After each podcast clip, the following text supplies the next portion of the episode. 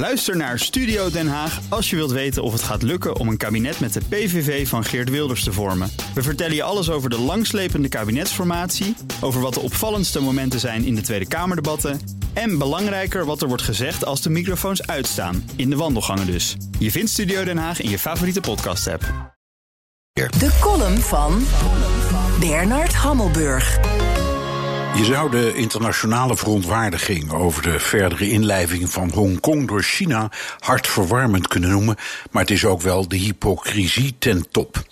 Wie bij de machtsoverdracht door de Britten aan de Chinezen in 1997 de kleine lettertjes goed had gelezen, wist dat de onafhankelijkheid van Hongkong nep was. Zweden, Frankrijk, Duitsland, Denemarken en Nederland willen een robuust Europees antwoord op de invoering van de nieuwe veiligheidswet, die de schijn van vrijheid in Hongkong wegneemt. Maar wat dat robuuste antwoord dan precies moet zijn, zeggen ze er niet bij, simpelweg omdat ze het niet weten. Sancties tegen China? Vergeet het maar.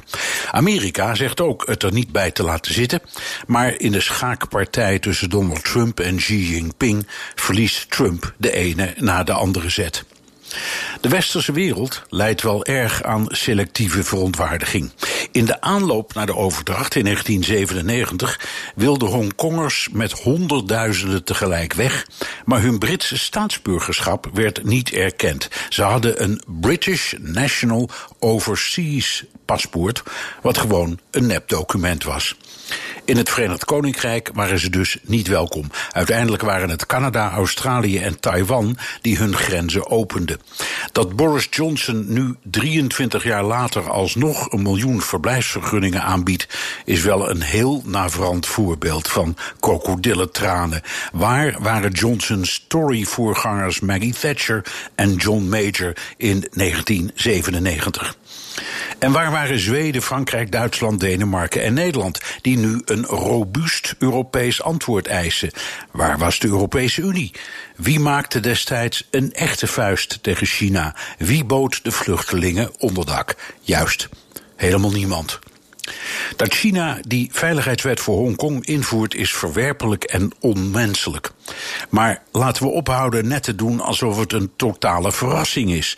De duimschroef wordt verder aangedraaid totdat Hongkong in 2047 alle eigen rechten verliest. Dat lijkt nog ver weg, maar voor een millennial in Hongkong is het al heel dichtbij. We staan erbij en we kijken ernaar. Ook Thomas van Zeil vind je in de BNR-app. Je kunt live naar mij luisteren in Zaken doen. De BNR-app met breaking news, het laatste zakelijke nieuws... en je vindt er alle BNR-podcasts, bijvoorbeeld Het Nieuwe Geld. Download nu de gratis BNR-app en blijf scherp.